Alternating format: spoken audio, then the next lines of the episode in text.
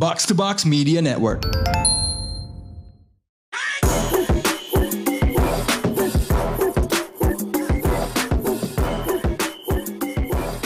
What up, what up? You're now listening to the most valuable basketball podcast in Indonesia, Box Out edisi Pick Pick Olimpik uh, dipandu oleh gue Raditya Alif yang akan bertindak.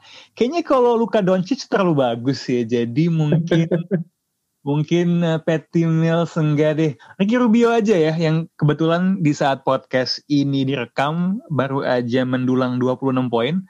Wangi banget dari garis 3 point membawa Spanyol menang pertandingan kedua lawan Argentina. Ini sama-sama tim veteran eh, di di lanjutan di babak grup Olimpiade Tokyo sejauh ini. Uh, so that's gonna be our topic of discussion. Kita ngomongin soal basket Olimpiade.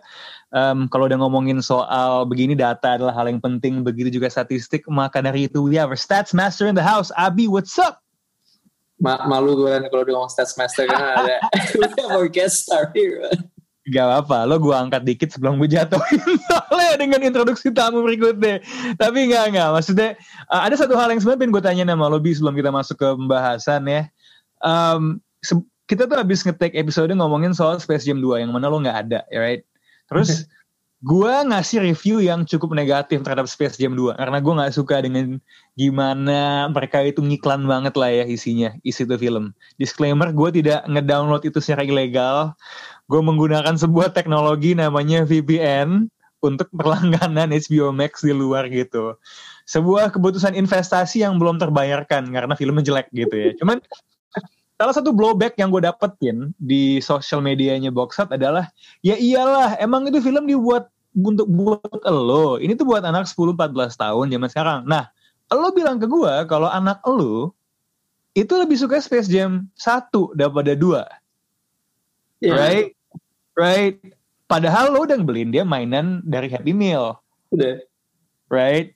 LeBron James dan Looney Tunes. Nah boleh nggak? Karena menurut gue penjelasan kenapa anak lo lebih suka Space Jam 1 itu akan membuat gue lebih pede dalam counter argumentasi gue terhadap orang yang bilang tadi di social media box out kalau film itu bukan buat gue. It, it's as simple as ketika gue ngejelasin uh, ke anakku sambil nonton ya itu dia tak ngerti gitu gampang kayak oh ini aliennya mau nyulik kartun habis itu alien ditantang main basket oke okay. terus aliennya ngambil energi main yeah. basket jadi yeah. jago terus aliennya uh, manggil Michael Jordan terus tanding. So that it's it's a very simple dan apa ya straightforward. Dan ceritanya cukup cukup simple. Dibanding LeBron yang anaknya mau inilah nggak boleh terus diculik terus diculik sama AI and then explaining AI itu sendiri itu kayak wah capek sendiri deh habis itu gue nyerah. Terus masuk dunia digital. Terus lo, lo bisa lo bisa ngejelasin Don Cheadle itu apa nggak kan aku? Don Cheadle itu jadi apa di Space Jam 2 bisa nggak? Nah orang, orang yang jahat. Dan enggak, motifnya pun susah susah banget jelasin kayak mau mau mengintegrasikan orang ke dalam uh, Warner Bros. First dan kawan-kawan. Jadi kayak susah deh. Exactly, exactly, exactly. Makanya kepada orang yang, nah tadi kita kan udah dapat testimoni nih dari lo. Sebagai bapak muda dengan anak zaman sekarang yang masih bocah. Ya memang itu susah dijelasin buat anak zaman sekarang pun gitu kan. Exactly, that's that's my point exactly. Gak ada hubungannya dengan masa dibilang emangnya emangnya ini film buat dude 40 tahun gitu. Gue gue kayak langsung insulted gitu kan kayak lo kira gue dude 40 tahun gitu. No offense to 40 year old dudes gitu ya. Um, cuma tadi lo sedikit sungkan ketika gue in, perkenalkan sebagai set master ya. Dan gue bisa mengerti sih perasaan lo itu seperti apa sih. Karena kali ini untuk membahas subtleties ya dan cara menganalisis apa yang sedang terjadi di basket khususnya di luar NBA. Kita akan dididik oleh Mas Didik Karyadi. Apa kabar Mas? Halo. Baik, baik, baik. Selamat datang ke Box Out Mas Didik. Ini buat yang belum familiar sama Mas Didik Karyadi, uh, follow aja akun Instagramnya. Nggak tanggung-tanggung loh. Basketball statistik namanya. You have to be that good untuk di di bidang itu untuk menambahkan akun akun IG lo sendiri basketball statistik. Tapi gue follow juga dan gue belajar banyak hal dari situ. Banyak hal yang bisa gue colong nih buat konten gitu tentu saja dengan atribusi. Um, tapi kalau mungkin buat yang belum tahu ya uh, Mas Didik kalau menjelaskan profesi Mas Didik tuh apa ya? Auditor saya mas. oh day jobnya nggak ada hubungannya sama basket Mas? Nggak ada. Oh gitu Iya. Tuh kan, tuh kan, soalnya akun-akun IG-nya tuh bukan auditor statistik gitu kan. Makanya gue kayak, gue punya asumsi, gue punya asumsi kalau emang eh, Mas Didik ini scout atau apa gitu, tapi mungkin bisa diceritain nggak sebenarnya kalau dari konten-konten yang Mas Didik biasa ngepost ya, dan kalau nggak salah kan Mas Didik juga pernah eh, nulis juga buat main basket atau apa ya. Em, ya yang Iya. Mas lakukan di bidang analisis basket itu apa aja sih? Mungkin buat yang belum familiar. Kalau saya sih biasanya tuh dari data dulu mas pertandingan itu kan. Mhm. Pertandingan, pertandingan. Habis itu saya breakdown. Kenapa sih ini misal offensive ratingnya naik, defensive ratingnya turun, Hmm. performa-performa pemain itu saya analisis sih dari breakdownnya. Oke. Jadi sebenarnya ya seperti orang selalu bilang bahwa statistik itu butuh interpretasi. Mas Sidik mengumpulkan statistik, data, dan kemudian menguraikan makna dan menganalisis ya. Iya. Em, cuman kalau dalam kapasitas profesional, itu Mas Sidik tuh udah ngapain aja selama ini? Karena kalau nggak salah, saya pernah lihat itu di sosial medianya Mas Didik atau di sosial media pemainnya ya. Kalau nggak salah pernah pernah ngebantu Daniel Wenas ya. Pernah. Oh, nah itu Itu, Itu- di gimana? handle handle kui ya. Handle kui itu. Ah. Handle kui kan itu kan ada latihan off season gitu nggak salah ya. Off season dia privat ke handle kui, mhm. terus handle kui itu minta tolong untuk shooting chartnya. Shooting Oh, chartnya oke. seperti apa, performanya seperti apa itu. Saya buat reportnya terus saya kirim ke handle kui itu. Oh handle kui ya. Jadi sebenarnya Mas Didik ini menjadi seperti Kirk Goldsberry ya dalam kasus itu ya. Iya. Bikin cocok dan lain sebagainya. nah, boleh nggak diceritain ya? Eh, karena gue gue jadi semakin kepo dalam kapasitas profesional itu kan satu kasus tuh Mas Didik. Eh, apa ap- apalagi sih kegiatan analisis basket yang Mas Didik laksu- lakukan entah itu di media atau dengan eh, profesional basket di Indonesia. Kalau saya sih biasanya kalau kan di Indonesia nih mas ya, di Indonesia khususnya itu untuk pengumpulan data tuh masih si- sulit mas. Ya. Masih sulit. Terus kapasitasnya itu biasanya tuh hanya sampai offensive rating. Itu untuk pemain ya. Oke. Terus yang terakhir tuh PR. Padahal itu udah kuno sekali. Terus kalau untuk tim, untuk tim tuh bisa sih sampai offensive rating, defensive rating sampai net rating. Oke. Itu kalau di NBA kan udah luas ada ada tracking, ada play tab yang post up, spot up, screen itu. Sedangkan di Indonesia belum ada itu mas. Itu pun harus manual mas. Pernah saya lakukan di saat di musim kemarin tuh ada satu tim yang saya tracking mulai dari awal sampai dia terakhir pertandingan itu saya tracking play tab-nya itu ada. Tapi nggak saya umumkan sih, Hmm. konsumsi pribadi. Konsumsi. Jadi ini nggak buat tim A atau apa gitu maksudnya buat buat kepuasan diri aja gitu, buat buat hobi. Apa apa gimana Mas? itu enggak kita aku cuma pengen tahu gimana sih basket di Indonesia itu permainannya seperti apa gitu Oke. kan kadang kan ada yang ngomong tinggi badan itu penting gitu. Ah. berarti kan harus post up Nah, ya kan tapi kenyataannya ya enggak gitu loh oh gitu. ya Oh jadi jadi tunggu deh ini kan saya termasuk orang yang tidak terlalu mendalami skena basket lokal ya. Kalau di bola kita sering mendengar pemain pemain bola itu kurang makan daging, harus lebih tinggi gitu.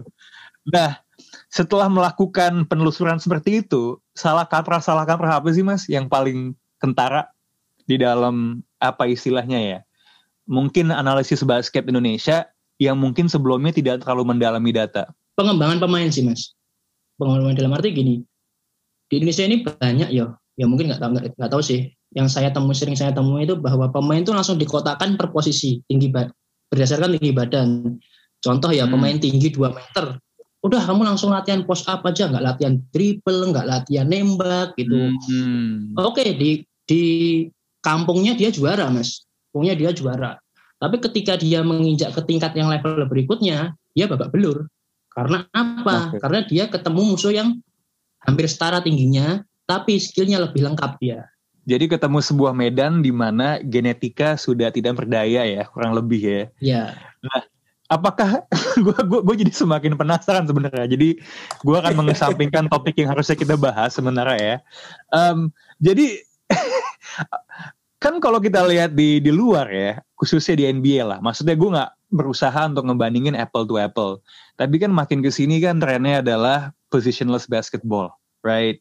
Kita melihat semakin banyak pemain yang dikategorikan sebagai unicorn karena mungkin bentuk badannya seperti tipikal pemain yang tinggi banget tapi skillnya seperti pemain yang lebih pendek. Nah, apakah yang terjadi itulah yang membuat kita misalnya nggak punya stretch four atau apa gitu?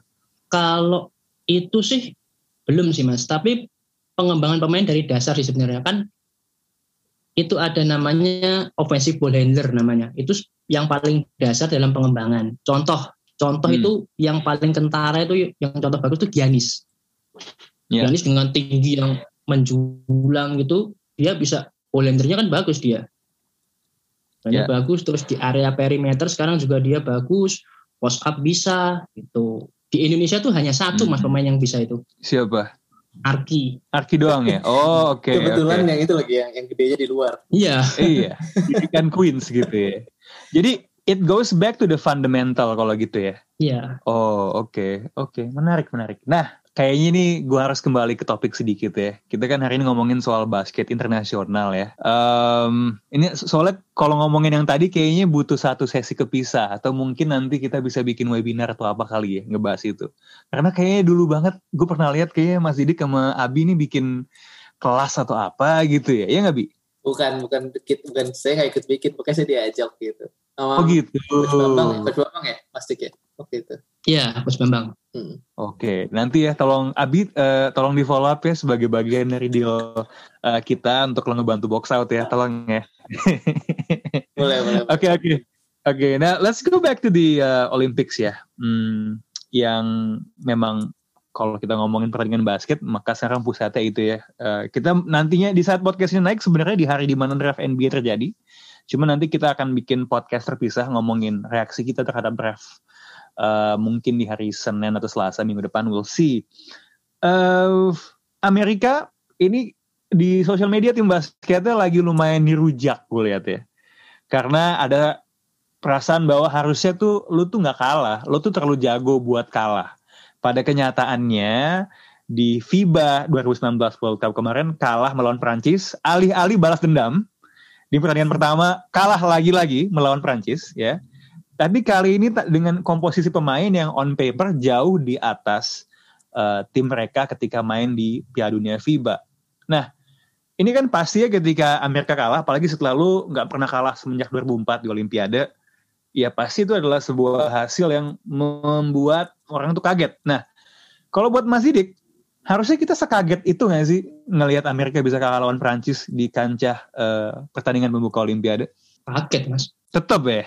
Kaget mas. Iya. Soalnya kan ya benar dari on paper pemain-pemainnya ya siapa sih yang nggak kenal bintang-bintang USA itu.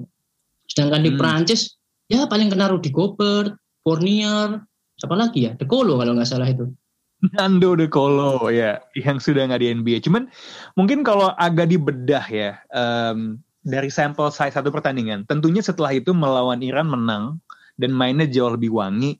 Cuman kalau kita ngomong soal kandidat tim-tim yang bisa merepotkan Amerika, maka ya Iran jelas enggak. Tapi at least dari pertandingan itu ya, kira-kira kesimpulan-kesimpulan macam apa sih yang bisa kita ambil eh, untuk melihat eh, what's wrong with the USA di Olimpiade sejauh ini? Kalau dari pertandingan Prancis dan Iran ya, kita di Prancis dulu mas ya. Prancis Yuk. itu waktu itu Prancis yang pinter mas. Karena apa? Di kuarter pertama dan kuarter kedua, Prancis itu mainkan Rudy Gobert di area Hmm. pin itu ya. Area pin dia melakukan cut, pin, post up gitulah, macam gitulah.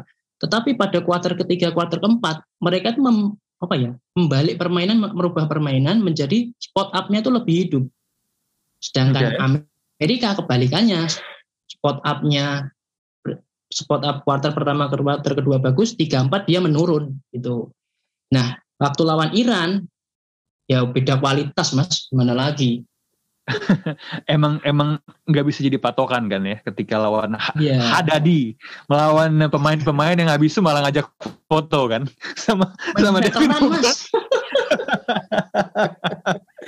Ya, eh, Abi lo ada yang mau lo tambahin nggak kalau ngelihat dinamika Prancis lawan USA? Maksudnya kan ini kan mungkin saat at least dari segi peraturan satu hal yang cukup menonjol, satu peraturan yang sangat pro Gobert dibandingkan NBA menurut gue. Yaitu lo boleh nongkrong di paint, nggak ada defensive three point ya. Hal yang hal yang menjadi kelemahan utama Gobert di playoff to the point that you can play him off the court. Menurut gue ini satu alasan, satu aturan yang benar-benar merubah nilai Rudy Gobert di NBA sama di FIBA loh. But you know, could you could you highlight that dan kira-kira selain itu apalagi apalagi sih yang eh, menarik dari pertandingan itu? Eh, yang menarik apa ya sih, selain si Gobert itu juga uh, somehow some way yang Damian Lillard bilang sih ketika these guys are different when they play for that national team gitu kayak Evan Fournier bukan seperti Evan Fournier yang kita lihat di Boston musim lalu gitu Inflasi ya, inflasi mungkin mereka ini kan lebih lebih nyaman dengan eh, apa ya dengan eh, mother tongue juga main di lapangan kalau misalnya mau umpat pakai Komunikasi. kayak berkomunikasi dengan bahasa bahasa bahasa ibu eh, mother tongue mereka jadi kayak Hmm. Itu satu yang kedua juga kayak apa ya mungkin selama ini yang mereka butuhkan adalah ya itu eh, sense of camaraderie yang lebih kali tapi ya I, I just Hmm. I just feel like bahwa ya walaupun US terlihat itu kayaknya sih kemarin baru aklamasi dan kebetulan ketemunya tim yang menurut gua in the past couple of years emang paling hal itu paling cepet gitu progressionnya kan Eh, mungkin Hmm. itu sempat naik karena sempat ada Tony Parker dan kawan-kawan juga Ya. ada Boris Diaw cuman sekarang benar-benar lu punya defensive player of the year lu punya Nick Batum yang pemain yang sangat-sangat cerebral kan Yang Kita bangkit itu- kembali ya di playoff kemarin ya. Iya itu dia tahun ini dia benar menang banyak banget. Udah bangkit sama Hmm. Clippers, habis itu uh, melihat kan bahwa dia uh, bisa main di Hmm. timnas itu. Terus juga Evan Ya. Fournier. Maksud gua ya mesti eh, kebetulan ketemunya Prancis aja quite quite uh, apa ya cukup sial sih. Cuman ya as they, as they showed yesterday, they're one of the best players in the in the world. Uh, Hmm. Ketika mereka harus beradaptasi, mereka mulai beradaptasi dan ya hopefully in the next uh, game against lawan siapa abis ini mereka ya? Si Prancis. Ah, bukan si US uh, Eh, Lawan Ceko, lawan Ceko ya? Satoransky. Nah, Iya. konsentrasi harusnya sih bisa juga makin sih makin inilah makin confidence booster. Cuman itu sebuah ini sih menurut gue untuk mentalnya tim pemain uh, Amerika, it's a really really good um, wake up call kalau lawan Prancis. Hmm, alarm ya. Um, Um, Ya, gua gua sih ngerasa iya Prancis tuh lebih siap ya. Um, dan gue rasa juga timnya relatif sama gitu ya dibandingin kejuaraan-kejuaraan sebelumnya. Maksudnya ada ada kohesi, but a lot of this is down to ya US tuh belum ngetun lah mainnya. Um, Kevin Durant ketika ditanya sama wartawan, Mas Didik dia bilang, ya ini sesimpel uh, make or miss aja. We just have to make our shots.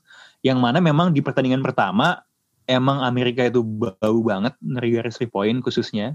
Damian Lillard seperti di cloning dan diganti sama orang lain. Dan di pertandingan kedua tembakan-tembakan yang tidak masuk, yang biasanya masuk, masuk. Tapi kalau buat tim buat sisi tim Amerika sendiri, kalau menurut Mas Sidik sesimpel yang dibilang sama Duran atau ada skema atau sesuatu yang harus mereka lakukan lebih baik? Ada mas, terutama di area rim 0 sampai 8 kaki dari ring itu. Itu Mhm. US itu mas ya, US itu tim field goal percentage-nya paling rendah di area rim. 0 Oh, di sampai dalam 8 ya? Iya di dalam itu. Oke. Itu karena apa? Karena salah eksekutor mas. Hmm. Eksekutornya sih Drew Holiday. Kenapa? Terlalu kecil justru ketika dia masuk ke dalam rim. Iya, padahal dia punya ada Bayo itu yang bisa pick and roll man itu yang 1,14 poin pada saat lawan Perancis itu malah nggak jadi eksekutor Hmm. utama gitu loh. Iya iya iya iya iya. Secara secara statistik eh, harusnya mereka menggunakan alternatif lain ya ketika menyerang ke dalam ya. Ada Iya. ada ada satu play yang yang yang bagi gue cukup menarik ya dari game ketika melawan Prancis yang kemudian di blow up sama social media yaitu dan ini ada hubungannya dengan finishing at rim sebenarnya. Ketika Draymond Green penetrasi dia tinggal layup tapi dia oper keluar. Eh, kalau lupa ke siapa ya. Nah itu itu kan sebenarnya pasti berhubungan dengan finishing and rim karena ini jelas-jelas a good opportunity to score a point dan lu buang bola gitu. Um, cuma bi lo ngerasa ini gak sih ini sesuatu yang dilaporkan sama media dan kita kan selalu ngelihat dari luar ke dalam nih ya um, bahwa rumornya pemain-pemain timnas Amerika tidak sepenuhnya nyaman dengan gaya permainan Spurs yang cukup egalitarian di mana Yeah, yeah. oke we share the ball, we pass the ball. Dan contoh yang tadi gue sebutkan itu simptomatik terhadap hal tersebut gitu. Um, ali malah kebalikannya gitu. Harusnya kita bermain dengan sedikit lebih selfish. Atau atau kalau gue ngelihatnya sebenarnya ya satu satu satu hal yang membedakan. Ini kan timnya kan dibentuknya nih agak agak mendadak ya. Dalam artian nggak ada istirahat antara akhir musim NBA dengan Olimpiade yang mana biasanya ada 2-3 bulan lah. Lo punya full training camp and then and then lo berangkat gitu ya. Kalau yang gue inget ya di Olimpiade 2008 misalnya lo punya Kobe Bryant sama LeBron James tapi Kobe Bryant dan ini bisa lo lihat videonya di YouTube bilang ke Coach K gue role-nya adalah menjadi defender bukan jadi scorer gitu loh gue pokoknya tugas gue di sini adalah ngejaga pemain terbaik lawan. Carmelo Anthony, raja isolasi ya, Eh, wala- permainan dia di Portland sekarang basically adalah permainan dia di tim USA sebenarnya. Ya, Ya dia sudah ngambil situ. Jadi ada ada hierarki peran gitu. Em, si bintang-bintang ini tahu masing-masing perannya apa ketika main di timnas US. Nah, kalau menurut lo mungkin ketiadaan rekognisi peran gua apa itu mempengaruhi kohesi mereka sejauh ini nggak bi?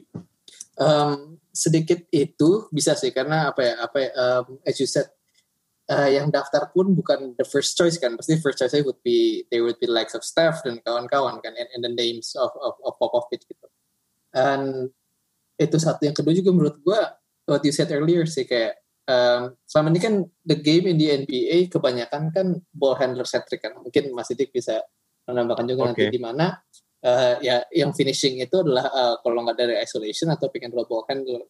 Nah, Oke. Sistem Spurs itu sendiri kan mostly banyak yang dari elbow dan kawan-kawan and it involves a lot of uh, cuts and uh, ball movement around the perimeter. Dan kalau lo ngelihat komposisinya nggak nggak nggak banyak cutter murni yang kayak dulu zaman 2008 Dwayne Wade kan was one of the best um, cutters in, in, in the league pada saat itu.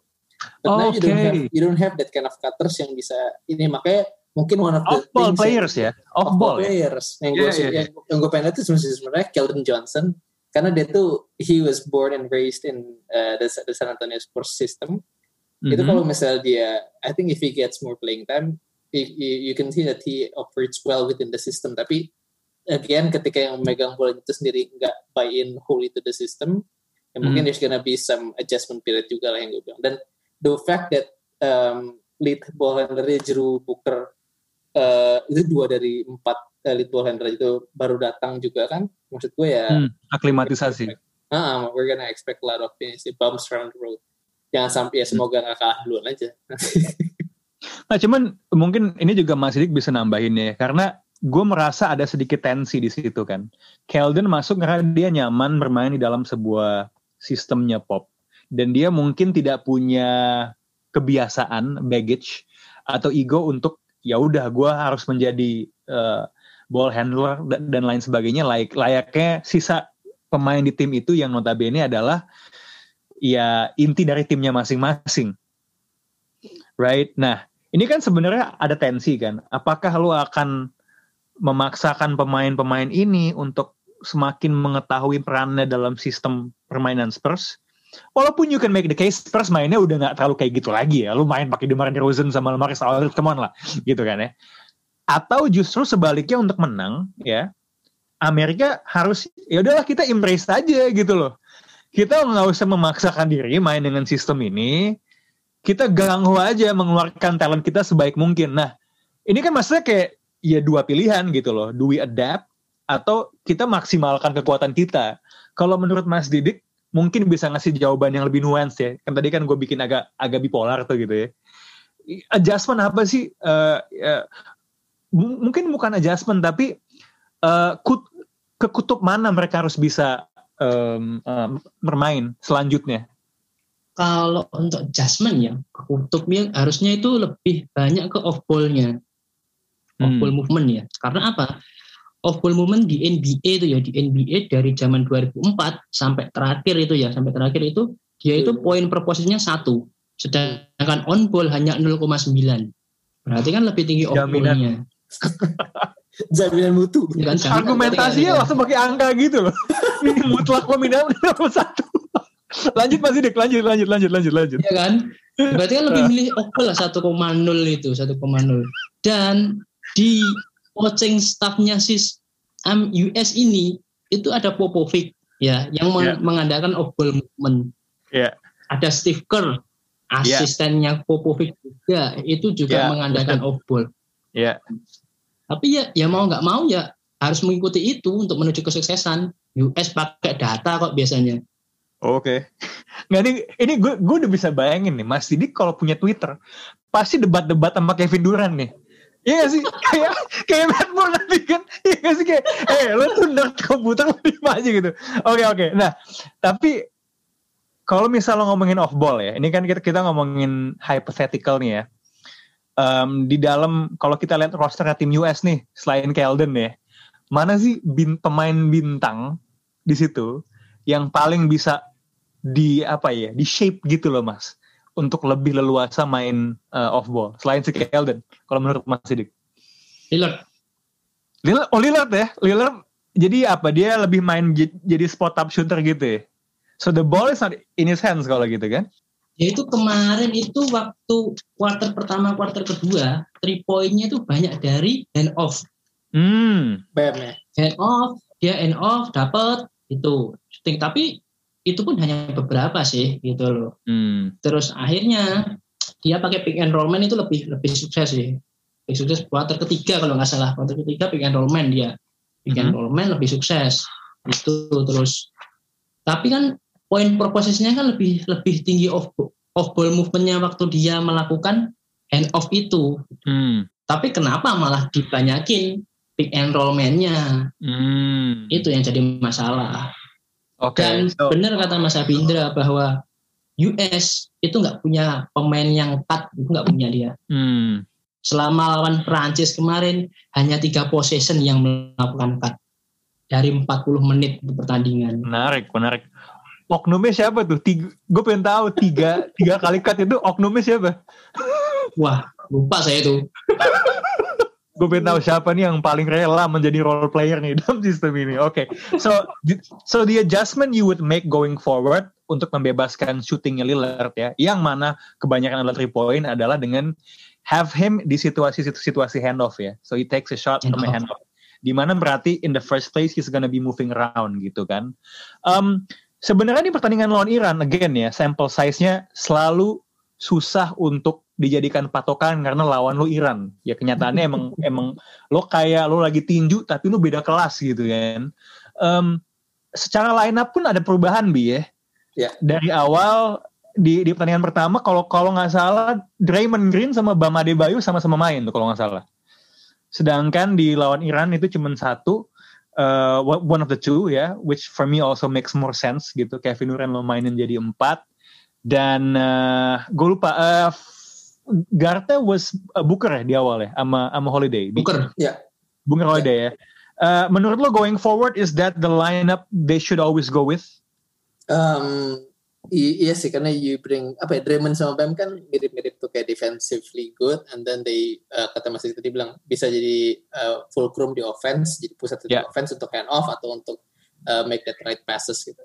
Hmm. Jadi if you hatch them both then actually itu jadi lu kayak punya dua unit yang bisa uh, bermain dengan skema yang mirip tapi ya kayak apa ya it, it brings a flow to ya, towards the end selama 40 menit jadi lu nggak ada kepotong di tengah-tengah kayak oh nih harus ganti skema karena nggak ada Hmm. Green atau nggak ada Adebayo karena lu mainin point god um, JaVale McGee gitu.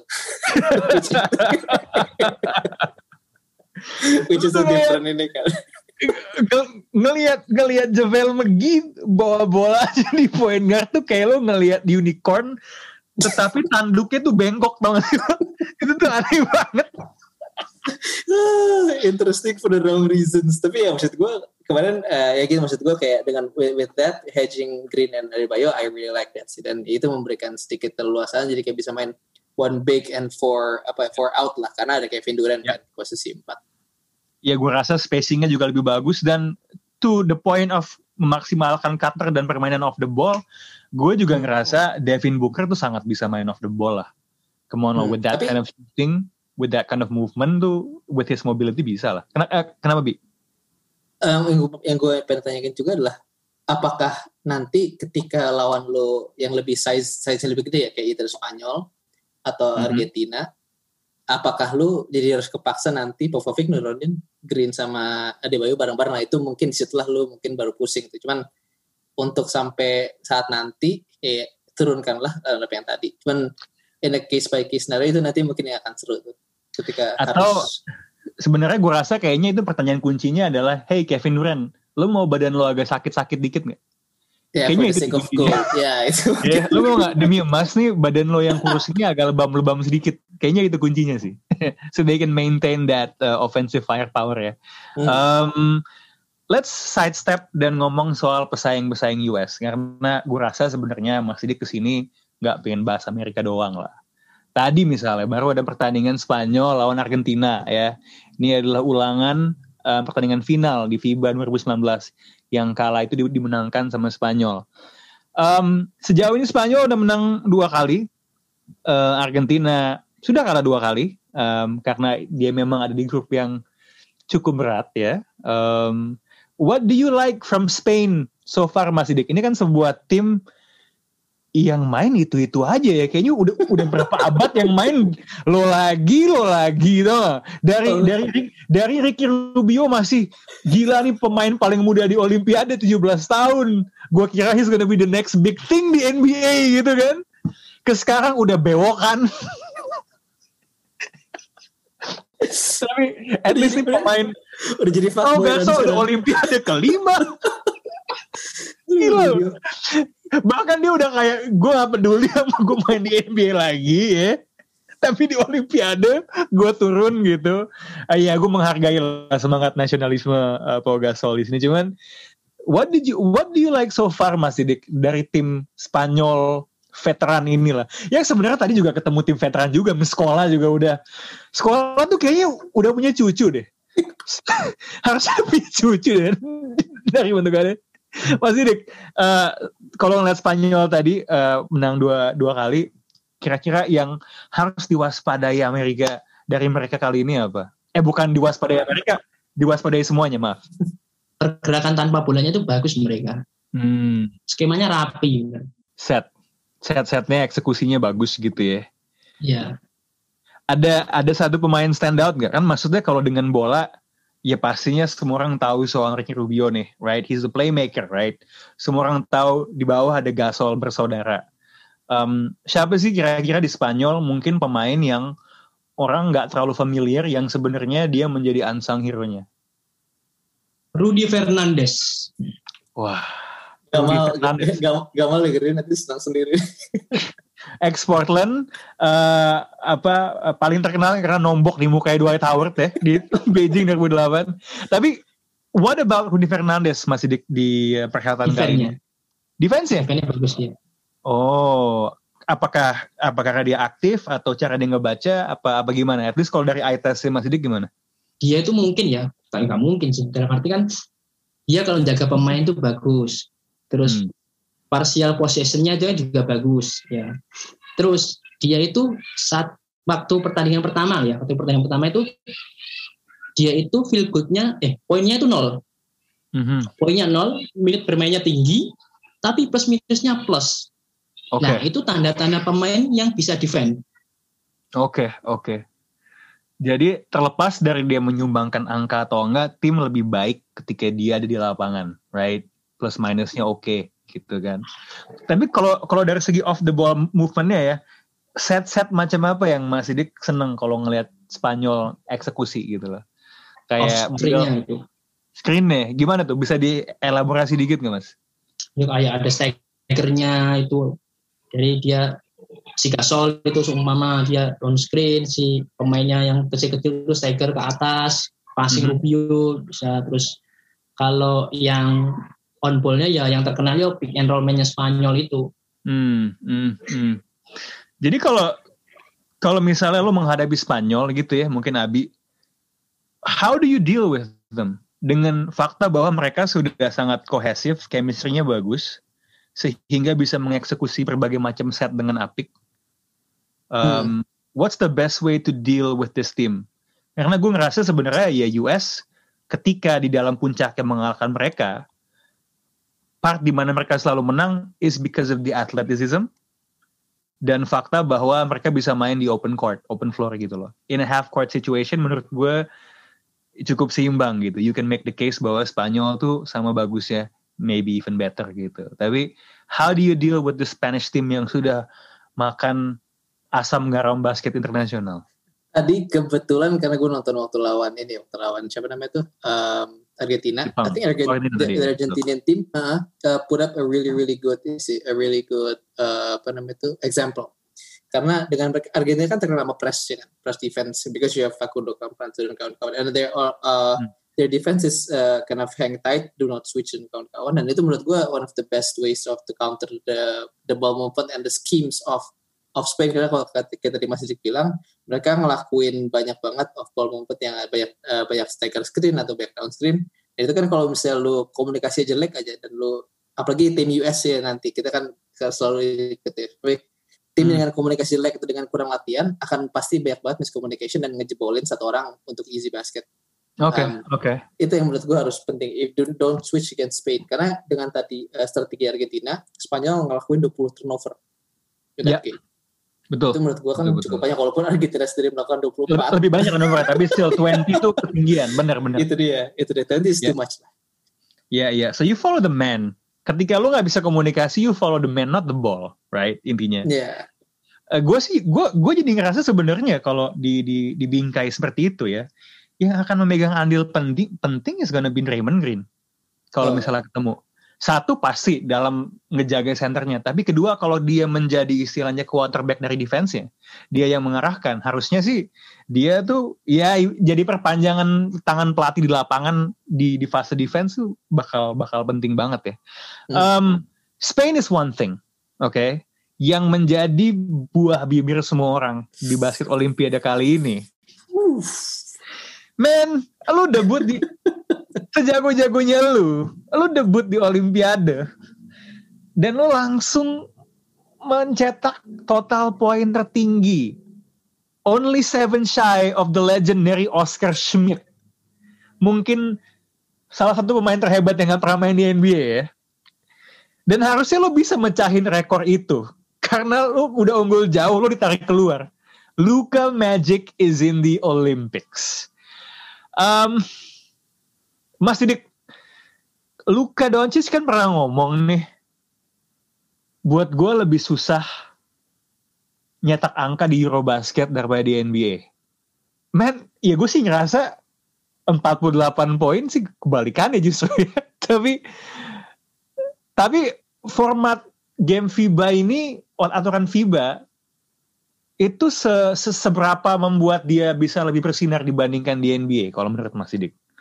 Luka Doncic. kalau ini nggak berani jawab saya bukan wasit soal salah nih saya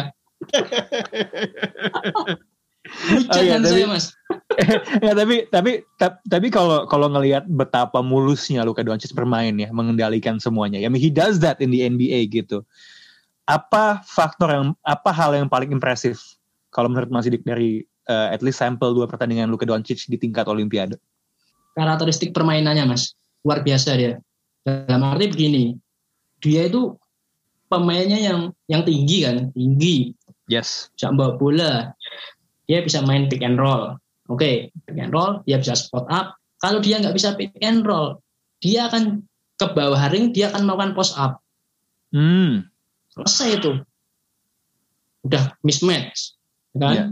kalau nggak bisa teman yang nembak dia yang di bawah ring putback Hmm. gitu. Jadi ya bisa bisa semuanya dia mau di dalam mau di luar oke semua gitu loh. Dan satu lagi yang penting bahwa si Slovenia ini ya, si Slovenia ini dia itu main skemanya itu hampir mirip dengan Dallas waktu menjadi tim dengan offensive rating tertinggi dalam sejarah NBA.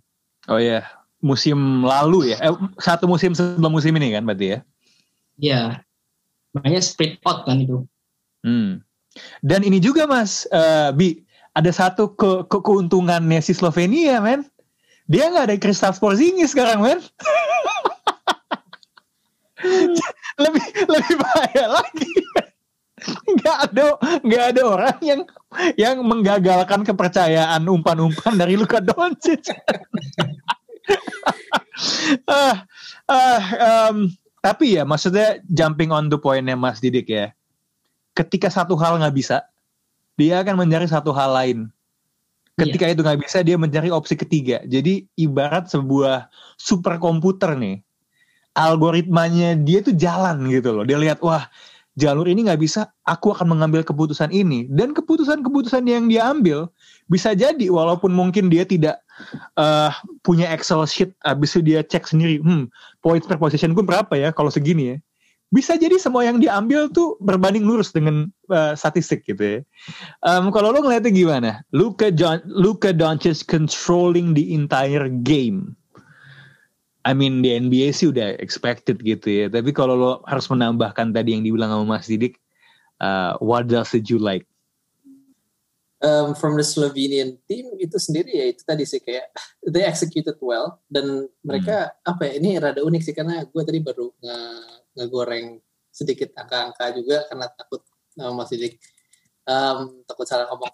Uh, Slovenia 50% dari te 50% dari tembakannya itu dari tiga dari three point itu menurut gua rada ini sih kayak Houston dia kita, kita bilang spread out benar emphasis on the three point dan hmm. benar ngelakuin postulat bahwa tiga itu lebih besar dari dua dan yes. ya walaupun mereka bukan apa yang akurat dari three point but they they their, their offensive production itu rada rada nggak masuk akal sih kayak mereka salah satunya yang bisa average 100 apa ya 100 117 poin per game bahkan in the past yeah, two okay. games walaupun dan lawannya pun satu Argentina kan itu yeah. itu something else. Oke, okay, jadi again ya, kan itu kan offense historis, main wangi. Hmm. Tendensinya progresi atau regresi kalau gitu bi?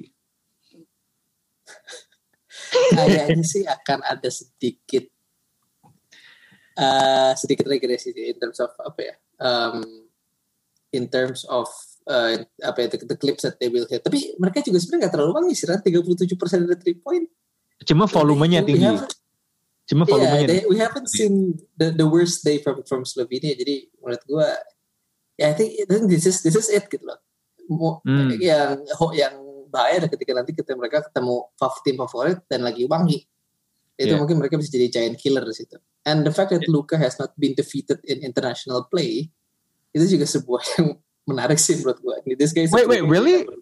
Tunggu, tunggu, tunggu. Dia nggak pernah kalah satu pertandingan pun ketika dia mengenakan baju Slovenia. Belum, 14 and 0. Shit. Ya gue tahu sih dia kan 2017 sampai 18 kan kejuaraan Eropa menang kan. Yang dia ngalahin Lat Latvia kalau nggak salah ngalahin Porzingis. He dunk on Porzingis inget gue di, di, di game itu ya. Wow, that's actually that's incredible ya. Tapi gue tapi jujur gue bakal kaget sih kalau misalnya itu itu nggak kejadian di di Olimpiade sih. Cuman um, ini yang menarik ya, karena tim ini akan ketemu Spanyol di pertandingan terakhir grup kan. Mas Didik, ini angin-anginnya berhembus ke mana? Atau kalau misalnya Mas Sidik nggak mau bikin prediksi, what will be the most interesting part dari match up dua tim ini? You know, antara Slovenia, tim yang lagi naik daun dengan bintang mudanya melawan ya tim lo lagi lo lagi Spanyol ini. Kalau saya sih pengen lihat match up-nya itu yang di bawah ring, yang di rim area. Karena hmm. apa? Karena ada satu pemain yang menurut saya cukup menarik di Slovenia. Namanya kalau nggak salah McToby. Oh, ini Bobby naturalisasi ya? ya, bekas orang US ya.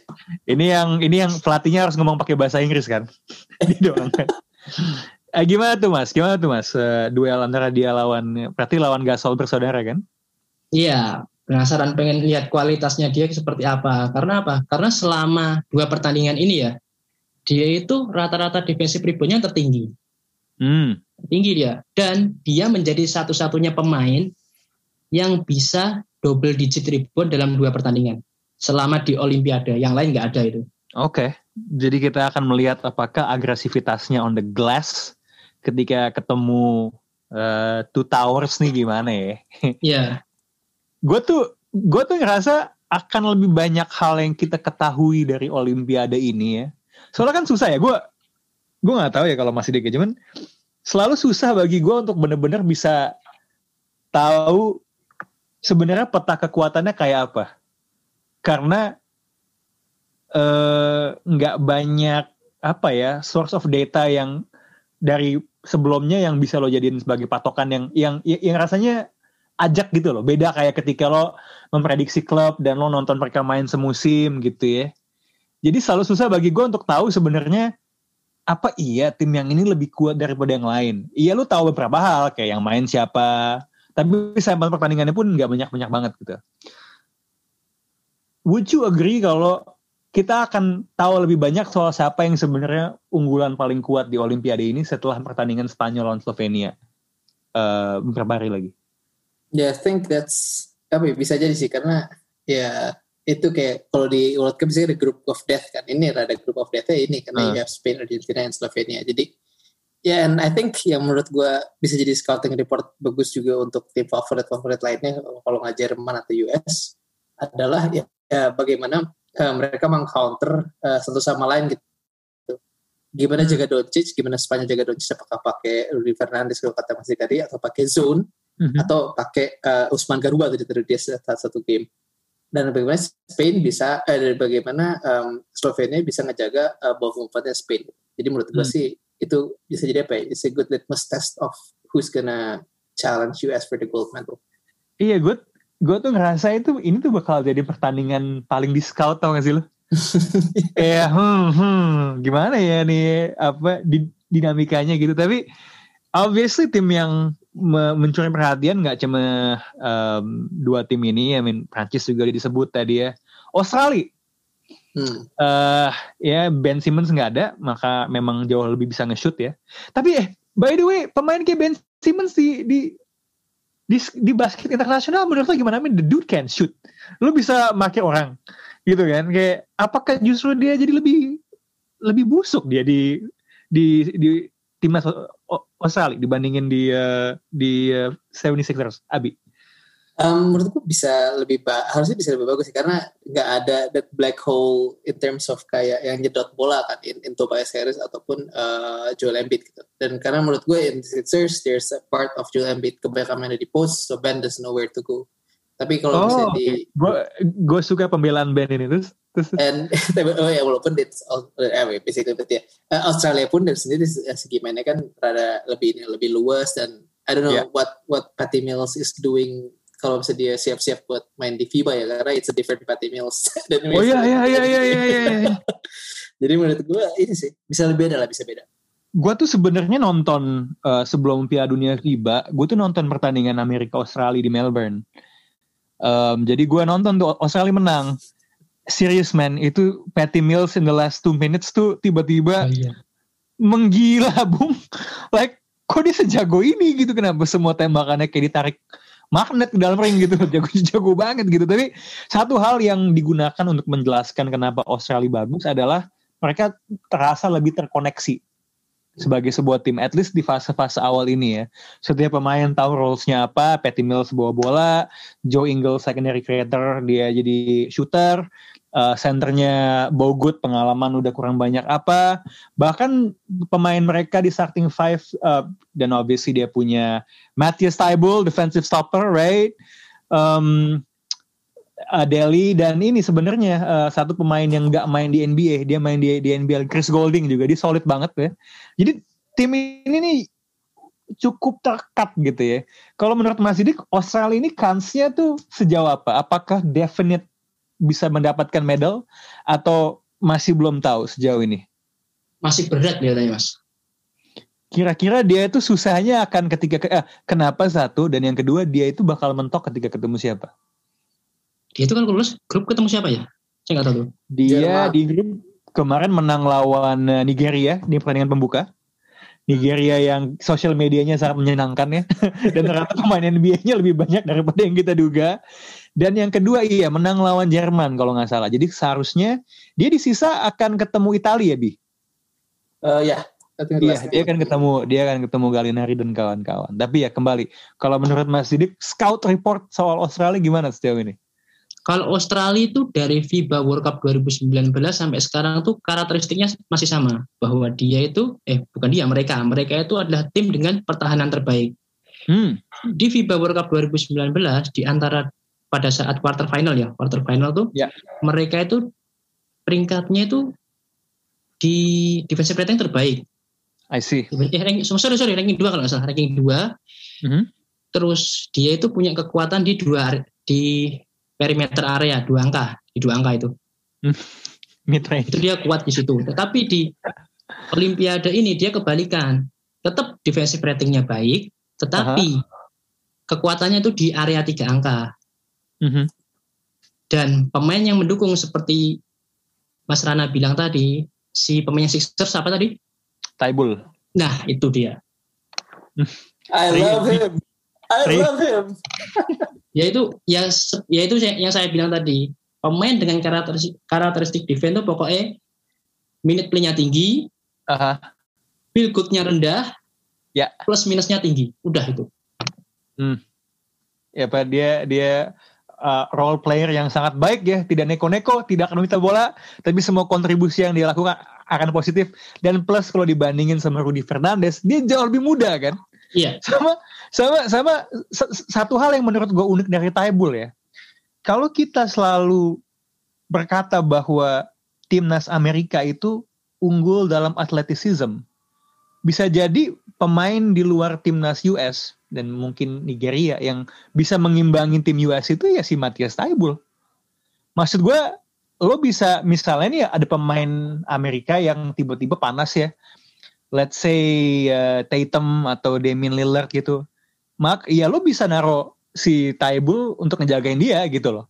Harusnya itu bisa diperlambat. Itu menurut gue satu facet yang sebenarnya kalau ngomongin man to man, mungkin tim-tim tim-tim lain non US tuh nggak punya itu sih sebenarnya gitu. Em, ya mungkin kecuali Rudy yang udah udah tua ya. Em, itu sih mungkin satu facet yang gue perhatiin. Nah itu kan Australia nih. Bi, at the end of the day kita udah ngomong soal Australia, uh, soal Prancis di awal, Spanyol, Slovenia, Argentina sedikit.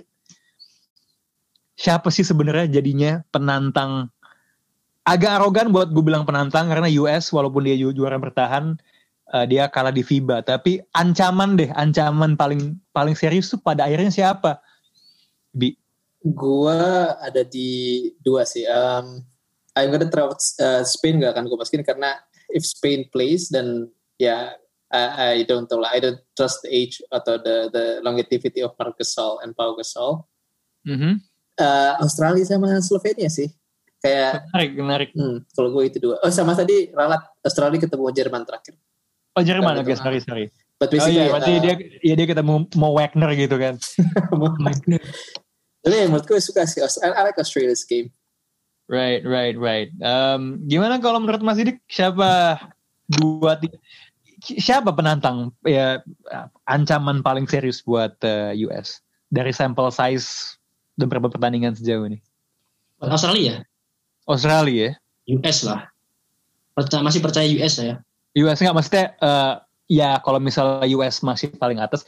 Maksudnya ya pada akhirnya kan mau kita bedah angka atau apa kan tetap ya lu harusnya menang lah dengan akumulasi pemain kayak gitu kan to the point di mana kan tetap aja pada akhirnya kita selalu bilang oke ngejudge tim yang paling mengancam US dari jumlah pemain NBA di timnya berapa maksudnya itu kan indikasi tetap kalau Amerika itu paling tinggi gitu kan tapi who is that second team yang menurut Mas Sidik di in one game apalagi ketika udah masuk ke situ- situ- situasi knockout tuh bisa ngejungkalin Amerika. Slovenia. Slovenia. Kenapa tuh? Kenapa? Is it really the Doncic factor? Ya, bisa. Doncic ya? Oke. Karena gini sih mas, gue gue tuh dengerin satu podcastnya kayaknya Brian Windhorst ya. um, dia lagi di Tokyo. Jadi dia lagi meliput uh, timnas uh, US dan dan dia itu sebenarnya dia, dia tuh kayak nyertain juga sih uh, dia di hotel cuma bisa makan di di di, di konbini gitu di restoran di bawah gitu gitu ya. Memang ini COVID membuat uh, Olimpiade bukan jadi Olimpiade yang paling nyaman ya. Dia juga ngebela Doncic, tapi di counter sama si Mark Spears dari Yahoo. Hmm. Uh, eh nggak dari Undefeated ya, yang mana Doncic tuh emang jago gitu. Tapi kalau dia dimatiin, and then dia harus memaksa untuk mengalahkan US melalui pemain-pemain Slovenia yang lain tuh justru sesuatu yang akan sangat menguntungkan US gitu. Mungkin ditambah dengan konversi 3 point represent tadi bi 37 persen. 37 gitu. Nah, apakah dengan fakta itu tetap masih dik masih oke? Okay, ini talentnya Doncic nih akan tetap gitu loh. Karena kan memang tetap ya, tetap ya. Tetap ah. gue seneng nih. Kalau kalau jujur ini gue bagi gue sendiri ini agak head versus heart ya. Gue pengennya Doncic sih. Kalaupun nggak menang, fakta bahwa pemain terbaik di lapangan tuh bukan berbaju Amerika tuh bagi gue sangat menarik gitu. Dan mungkin argumen keduanya adalah Doncic ketika mengoper tuh bahaya juga gitu loh. Um, gue pinginnya sih Slovenia tapi gue nggak yakin sih mungkin oke okay, I'm gonna go gue pengen ngeliat final Olimpiade tuh Amerika Slovenia kan. Duren lawan Doncic tau gak sih lo? Kayak mano e mano gitu kan pemain. Maksudnya lo lo bisa ngerasa di situ ada mikrokosmos perebutan siapa yang bakal jadi pemain terbaik dunia gitu loh. Terlepas dari pencapaian Giannis and maybe LeBron dan lain sebagainya gitu. So I'm gonna go Slovenia. Dan yang kedua Australia deh gue nice. Gitu. Lo lo kebalikannya bi gue ya gue Australia, gue Australia dulu Australia dulu Australia ya hmm. kalau Mas Didik gimana ya tim keduanya apakah uh, Slovenia eh, Australia atau tim yang lain sama Australia apa? Slovenia Australia oke okay. oke okay. we'll see we'll see um, nampaknya juga kayak di NBA kan ada istilahnya ada ini kan passing of the torch kan pemain-pemain muda mengambil alih. Sekarang kita bertiga sepakat bahwa semoga ke depannya, ke depannya uh, ada prosesi transisi dari tadinya mungkin Spanyol sama Argentina um, apa namanya menjadi uh, Slovenia dan Australia. Sayangnya Serbia gitu-gitu nggak ada. Ya. Saya, Wah, gue tuh sayang kalau ngeliat kayak misalnya Slove Slovenia kan juga ketika dia menang di uh, apa kualifikasi Eropa kan ngalahin Lithuania kan yang mana tuh ada Sabonis gitu walaupun nggak sejago bokapnya dulu ya cuman still sih nah kan satu hal yang juga membedakan NBA dan Olimpiade adalah aturan FIBA um, diskursus soal peraturan mana yang paling tepat yang paling oke okay diberlakukan di NBA itu selalu ada gitu kan. Nah, sebenarnya juga uh, gue mabi sempat ngecek-ngecek gitu kan kayak oke, okay, biasa nih there's stuff about, you know, uh, foul calling yang lebih di, di, dibiarin gitu kan. Kemudian bola masih aktif silinder. Kalau Mas Didik sendiri ya ngelihat aturan di basket internasional apalagi kan kemarin si Adam Silver kan bikin ini kan uh, bilang bahwa musim depan akan ada berbagai macam aksi yang sekarang ini nggak akan di call foul lagi gitu biar ke sana pemain offense tuh nggak terlalu diuntungkan gitu Makanya Trey Young sama James Harden mungkin dalam hati udah komat kamit sekarang. Cuman uh, kalau Mas Didik tuh sebenarnya paling seneng ngeliat basket tuh aturannya seperti FIBA atau atau justru lebih menikmati menghibur NBA. Maksudnya ada gak sih hal-hal di FIBA yang Mas Didik pengen ngeliat diimplementasi, diimplementasikan di NBA? Apa ya? Bingung juga saya mas itu mas. Kenapa? Soalnya kan ya itu tadi saya bukan wasit mas. Takut saya jawabnya. Kenapa sih? ya udah mengasumsikan wasit ini kan ini kan cuman apa ya refleksi selera aja sebenarnya. Jadi bukan bukan masalah baik atau benar tapi lebih suka yang mana aturannya gitu loh. Kalau saya sih lebih suka aturan FIBA. Hmm, kenapa tuh? Terutama masalah time out. Time out? Hmm. ya soalnya kalau di NBA kan temanya lebih banyak kan? Ada yang ya. 30 detik kalau nggak salah ya. Yes, uh, 20 second ya betul. Ya, nah itu impactnya ke lapangan tuh nggak nggak begitu kerasa karena masih banyak mas, masih banyak time out, time out, time out. Sedangkan di FIBA dengan time outnya yang lebih sedikit itu itu impactnya lebih kelihatan gitu.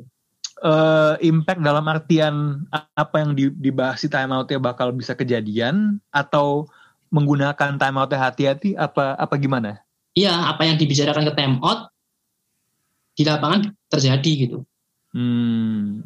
Jadi beda sama misalnya ini 20 second time out sebenarnya diambil biar ada waktu istirahat tambahan. Iklan, Atau iklan, dia, iklan. Sponsor iya trailer film itu bisa masuk. Nah tapi kan to, to that point ya Bi ya, kan memang that's the thing about the NBA kan dan olahraga Amerika in general itu semua adalah bisnis gitu kan. Iya. Semakin banyak ada chance bagi sponsor buat masuk dalam setiap break di dalam per... Maksud gue gini loh, gue tuh sampai sekarang ya, jujur gue ngelihat di break pelatih basket bisa diwawancara itu gue bingung loh. Maksud gue iya bagus sih ada soundbite-nya gitu, tapi gue cuma kayak ngebayangin nih gue, gue jadi pelatih nih, ya. Tugas gue adalah membawa tim gue menuju kemenangan, right? Dan setiap waktu break adalah waktu yang vital untuk bisa memperbaiki apa yang mungkin tadinya salah atau mungkin istirahat. Dan hal-hal yang ingin gue jalankan ini sebaiknya gue rahasiakan untuk konsumsi pribadi gitu kan. And yet lo harus ditanya di setiap break gitu lo kayak "Eh, iya coach menurut eh, eh, lo apa yang kurang? Gue mesti begini begini gitu kayak. Kayak kayak lo tuh mesti ngasih testimoni ke audiens. Padahal audiens tuh nggak nggak perlu pemahaman itu juga gitu loh di saat itu tuh. Bagi bagi gue itu that's very American gitu loh. Oke, gue suka Popovic kalau kayak gitu. Kalau sebenarnya Oh. jawabannya cuma hahaha, dah. atau kalau di NFL Belichick gitu kan. Kayak dia dan dan lo bisa melihat ketidaknyamanannya. Right? Kayak lo bisa udahan gak sih gitu. Maka mungkin sebenarnya Popovich terlepas dari apa pun hasilnya mungkin dia lebih me- menikmati ngelatih kayak gini gitu kan. Nggak perlu ditanya macam-macam gitu kan. Em, mungkin buat menutup pembahasan soal Olimpiade kali ya Mas Dik hal apa sih di perbasken o- Olimpiade yang mungkin menarik buat diikuti dalam sisa berapa hari? Eh, 10 hari lagi ke depan. Pemain-pemain yang di luar NBA mas. Oh, siapa aja tuh yang kira-kira audiens nih harusnya kalau lu fans basket lo harus lu ng- ngikutin ini, ini orang. Si siapa pemainnya Italia itu lupa aku. Contesio. Cotesio. Apa tuh posisinya dia tuh? Dia itu for, kalau posisi, posisi tradisional forward dia. Oke. Main eh, kenapa kenapa? Wh- What about him that makes him eh, interesting untuk diketahui sama fans eh, casual NBA gitu kayak. Dia itu kan pemain muda mas. Pemain muda 25 tahun kalau nggak salah 25 Ya. tahun. Terus dia itu merupakan salah satu pemain kalau di posisi modern ya. Hmm. Itu 3P terbaik di Olimpiade saat ini. Sampai sampai ini loh, sampai hari ini loh ya. Eh, apa? Eh, oh ini eh, presentasi tiga angka, 3P. 3P. 3P itu kalau di NBA gampangnya pemain 3D. Oh 3D, oke oke, 3D, oke oke oke. Oke, jadi saya menduga plus minusnya juga sangat bagus kalau gitu. Iya, offensive rating 124. Oke oke, wangi wangi wangi wangi wangi, selalu membawa angka. Oke. Em, siapa lagi? Eh, dia aja atau ada tambahan? Ya sama McToby itu sih.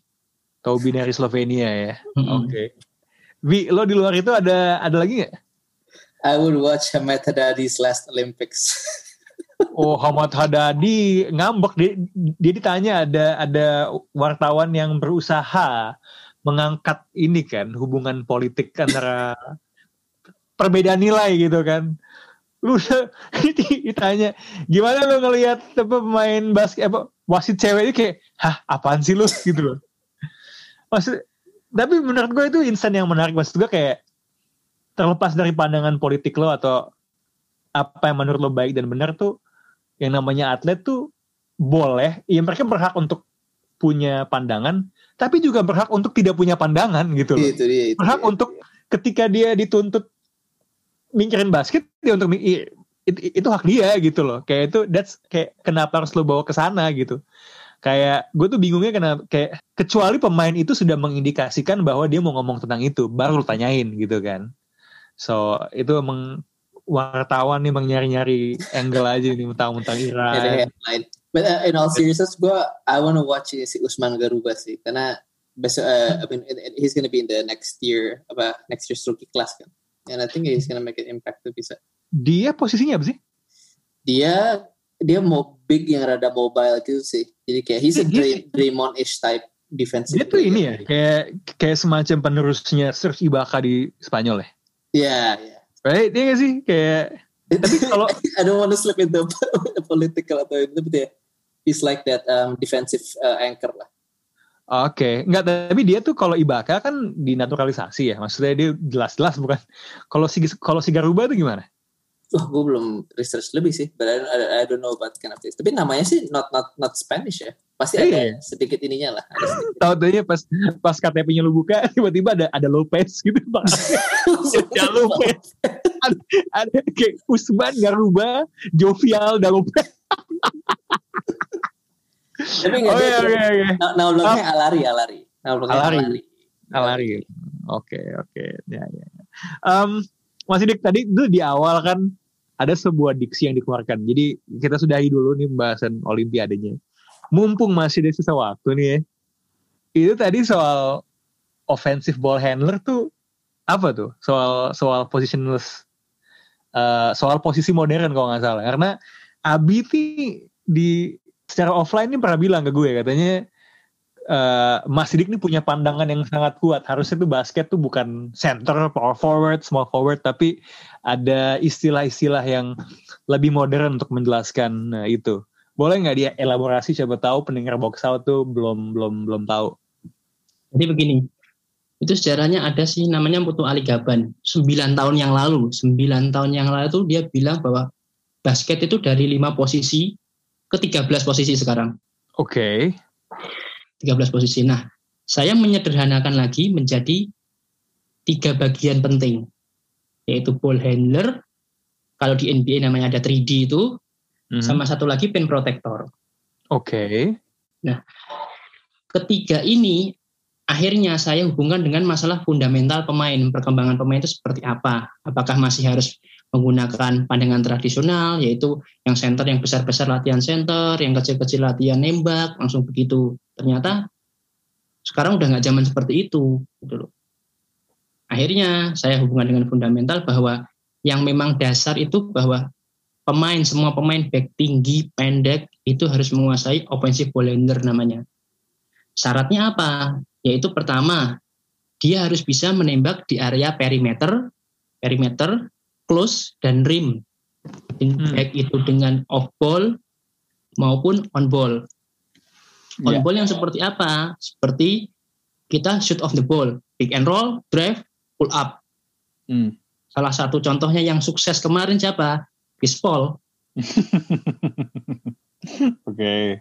ya kan? Dia menge- dia menembak di perimeter, wah kayak setan itu dia nembaknya itu.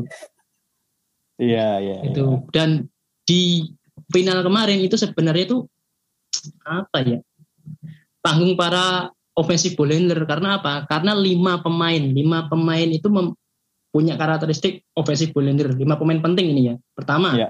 Giannis Mhm. Middleton Drew Holiday Booker Chris Paul Terlepas dari tinggi badannya, eh, posisi tradisionalnya gitu ya. iya yang megang bola tuh yang cukup cukup bersinar. Nah, kembali ke pembagian tadi, gue tuh agak penasaran kenapa ball handler yang kedua kan tadi kan 3 D nih ya. iya Jadi ball handler itu kan sesuatu yang berarti kita sedang merujuk ke itu dalam konteks ketika dalam fase offense kan. Kalau Iya. 3 D kan itu istilah yang dipakai ada elemen offense-nya 3 point dan elemen defense-nya kan, D D-nya kan. Sedangkan paint paint protector itu itu eh, khusus fase defense gitu. Nah, kenapa pembagiannya seperti itu? Satu, ke- eh, kenapa ada satu istilah yang khusus buat peran pemain dalam offense? Satu yang eh, terbagi offense defense dan satu yang defense doang. Dan itu sebenarnya konteks penggunaannya itu peran yang bisa didobel sama seorang pemain atau pembagian yang saklek apa apa gimana? itu gini sebenarnya mas itu 3ND itu itu istilah yang lama sebenarnya Hmm. istilah yang saya pakai itu 3P 3P dan 3PR itu terus pen protector itu ada namanya scoring pen protector dan three pen protector Oh, Oke, ada ada tambahan nih itu. Ada tambahan lagi. Itu kan hanya se- garis umum aja tiga besarnya. Oh, oke oke. Nah, sebenarnya itu mengapa meng- mengacu itu itu bukan dari defend tetapi dari offense mas karena apa Hmm. karena sebenarnya ya pemain NBA itu bisa defend contoh apa Ya. Stephen Curry win share-nya itu tinggi musim berapa saya lupa itu ada kok Hmm. defensive win share-nya itu dia tinggi Jadi ternyata tidak se se eksploitatif yang dibilang kan. Orang kan selalu Iya. bilang kan, oh hide Steph, you can hide Steph Curry gitu kan, main lemah gitu ya. Oke, oke karena oke. Itu kenapa? Bukan karena berarti karena asumsi ya lo defense harus ya harus bisa gitu ya. It's a it's a given gitu ya. iya pemain NBA itu bisa cuma kan pembagian perannya itu akhirnya mereka nggak terlalu defend gitu kan Nah, kan sebenarnya kita kalau ngelihat pembahasan soal NBA gitu ya, mau itu di TV atau enggak, kan sebenarnya bahkan komentator TV pun masih menggunakan istilah, um, you know, uh, wing uh, satu dua tiga stretch four gitu-gitu ya. Sebenarnya adaptasi istilah ini di, di, di NBA sendiri kayak apa sih gitu loh? itu mereka pakai itu tuh hanya untuk media mas sebenarnya Hmm. tapi para analis di sana dia udah nggak pakai itu. Contoh contohnya kalau misalnya satu tim di di breakdown dengan dengan template yang tadi tuh jadi jadi misalnya nih misalnya Phoenix tuh tadi deh. Kan berarti kan ball handlernya lu punya Devin sama Chris Paul kan. Berarti yang lain-lain gimana? Berarti dengan Aiton itu jatuhnya paint protector gitu ya? Terus ya, rim protector. berarti si uh, Bridges itu dia 3D gitu? Ya oh oke. Oke I see I see I see. Terus itu Ini mas kenapa? Kenapa? satu pemain ya? Satu pemain itu bisa dua karakteristik loh mas. Hmm. Itu tergantung Contoh, line up yang dipakai gitu ya. Enggak maksudnya gini Drew Holiday contoh Ya. gampang Drew Holiday. Drew Holiday itu karakteristiknya offensive ball handler. Ya. ya kan? Tapi dia juga bisa memainkan peran defensive ball handler itu Oh, ada pembagian dari ini fasenya. Berarti ketika dia lagi bawa bola dia offense, ketika dia nge-mark Chris Paul dari inbound 92 kaki dia jadi defensive ball handler gitu. Iya bisa dikatakan seperti itu Itu ju- juga bisa antar peran nggak? Misalnya gue ambil contoh Chris Middleton deh. Ketika dia bawa bola jatuhnya dia offensive ball handler, ketika dia main off the ball jatuhnya 3 3P tadi istilahnya. enggak karena apa Nggak, karena pers- persentilnya Middleton stealnya tuh rendah kok mas Oh, still. persentil stealnya rendah Oke. Nah, kalau kayak gitu, ini tuh sebuah peran yang bisa lo, eh, ini tugas lo, peran lo kayak gini, atau sebenarnya ini klasifikasi yang muncul setelah melihat statistik pemain tersebut? itu statis ya keduanya mas Hmm, oke. Jadi dalam kasus tadi, si Chris Middleton nggak bisa jadi 3NP karena performance dia secara defense kurang memadai gitu untuk jadi apa? Iya. 3NP. Oh, oke.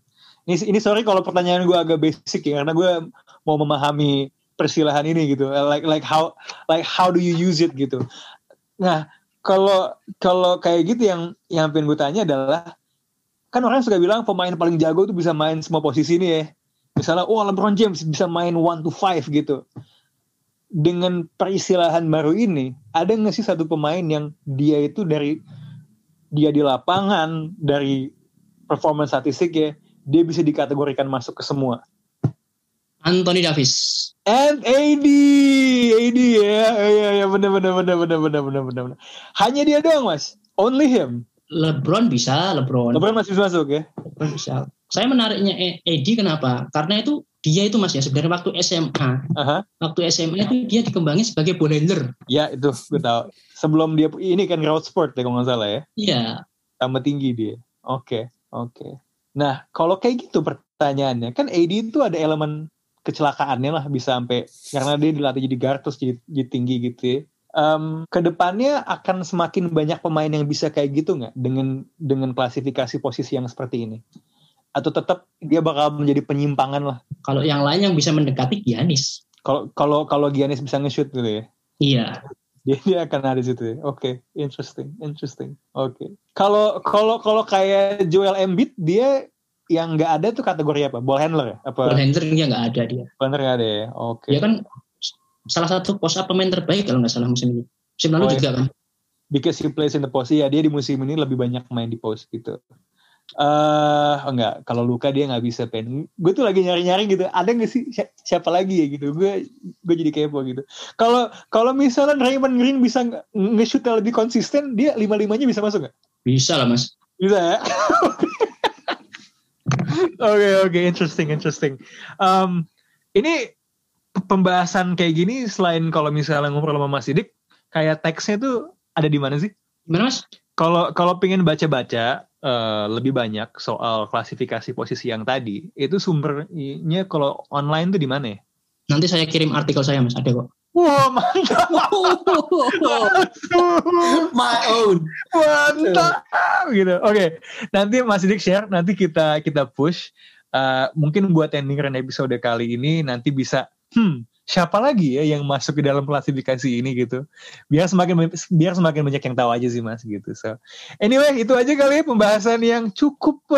gue mendapatkan istilah-istilah baru lah yang sebelumnya gue nggak tahu. Semoga yang dengerin dapat juga. Thank you banget Mas Sidik udah main. Mudah-mudahan bisa semakin sering berbagi ilmu di sini. Ya mas. Terima kasih mas undangannya. Yes, uh, dan uh, Abi, uh, terima kasih sudah agak merendah karena ada Mas Sidik di sini. My pleasure. My pleasure. so itu aja, uh, terus ikuti keseruan basket di Olimpiade dan jangan lupa juga untuk ke pantengin NBA Draft, eh, ATTL udah bikin mock draft. Kita lihat aja di saat podcast ini naik, akurat atau penuh bullshit. Yang jelas pilihan pertamanya sangat vanilla saya lihat. Kate Cunningham, so obvious. Um, tapi nanti kita juga bakal ada episode yang uh, ngomongin soal draft mungkin di awal uh, minggu. Jangan lupa juga buat dengerin semua podcast uh, box to box yang lain. Ada banyak. Uh, this is Raditya Alif, this is Box Out, and we out.